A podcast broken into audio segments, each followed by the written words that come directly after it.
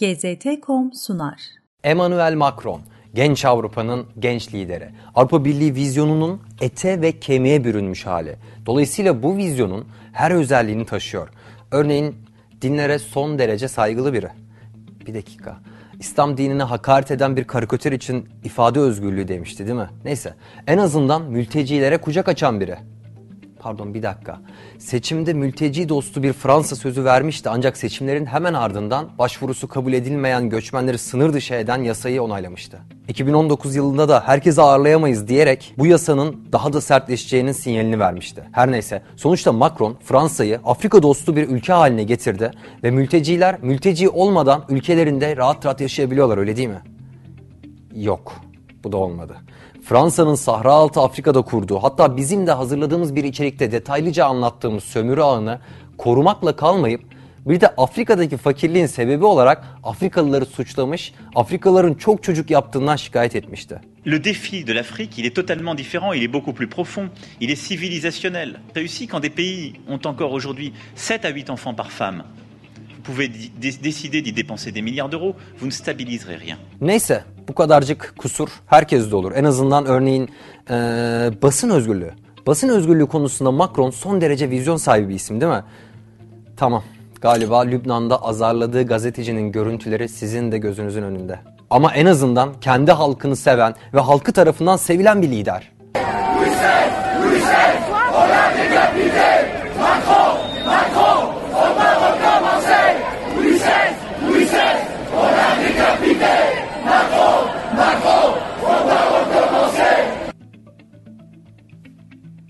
Propagandanın bu bölümünde bu sefer başarısız bir propagandayı anlatacağız. Fransız Cumhurbaşkanı Emmanuel Macron.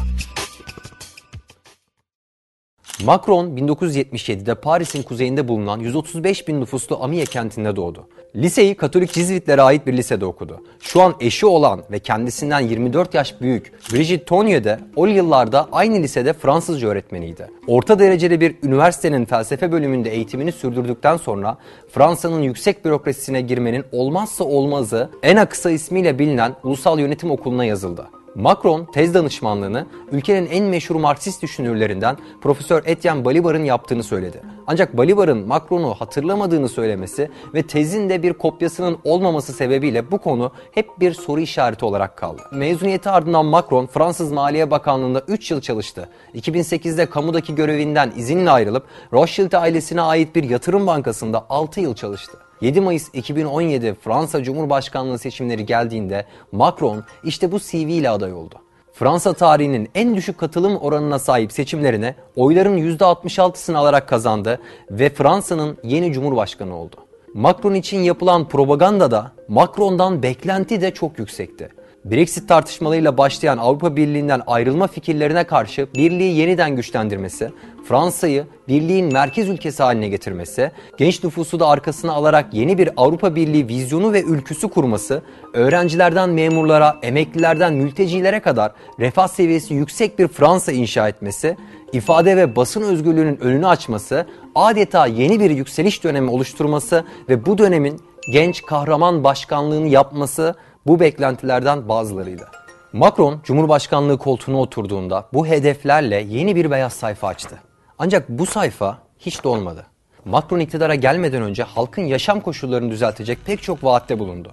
İktidara gelmesi ardından bu vaatlerin tam tersi politikalar izledi. Yayınladığı reform paketiyle kamuda kemer sıkma programını hayata koydu. Seçilmeden önce çalışanlara ayda 500 euro tasarruf öngören vade karşın Macron'un bu politikasıyla 2020 yılına kadar 120 bin memur işten çıkarılacaktı. Bunun yanı sıra paket emekli ücretlerinin azaltılması ve ödedikleri vergilerin arttırılması yönünde düzenleme de içermekteydi. Yine bu da Macron'un yaşlıların yaşam koşullarını düzeltmeye yönelik verdiği vaatleri çöpe atmasıydı. Emmanuel Macron'un zaferi yaklaşık bir yılını tamamlamış durumdayken Fransa eşine en son Mayıs 1968 öğrenci ayaklanmalarına rastlamış sokak gösterilerine sahne oldu. Tüm Fransa'da başlayan grevlere sendikalar 5 milyon 400 bin kamu çalışanını davet ederken demiryolu çalışanlarının %40'ı Eğitim görevlilerinin %15'i, devlet dairelerindeki çalışanların ise %10'u destek verdi. Macron'un seçim vaatlerinden biri de basın özgürlüğüydü. Ancak iktidara gelişiyle birlikte hiç zaman kaybetmeden basın mensuplarının tepkisini çeken faaliyetlere başladı. İlk Bakanlar Kurulu'nun ardından geleneksel hatıra fotoğrafını çekmek üzere bekleyen gazeteciler Fransa Cumhurbaşkanlığı makamının bulunduğu Eliza Sarayı'nın girişinin kapatıldığını öğrendi.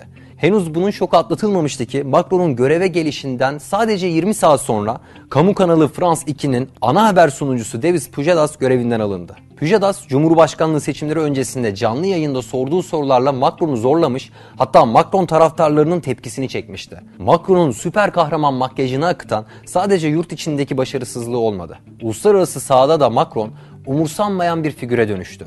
Amerika Başkanı Donald Trump katıldığı bir ortak basın toplantısı sırasında Macron'un dakikalarca sürdürdüğü konuşmanın ardından bugüne kadar duyduğum en iyi cevap vermemeydi yorumunu yaptı.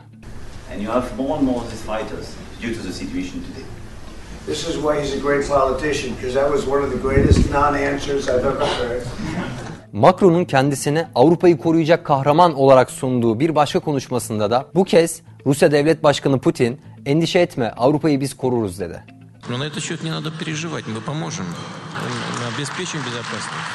Özetle Avrupa Birliği'nin ve birliğin misyonuyla örtüşen kesimlerin büyük bir propagandayla umut olarak sunduğu Macron, tarihe yalnızca yeteneksiz bir yönetici ve başarısız bir propaganda olarak geçti. Ben Murat Soydan, izlediğiniz için teşekkür ederim.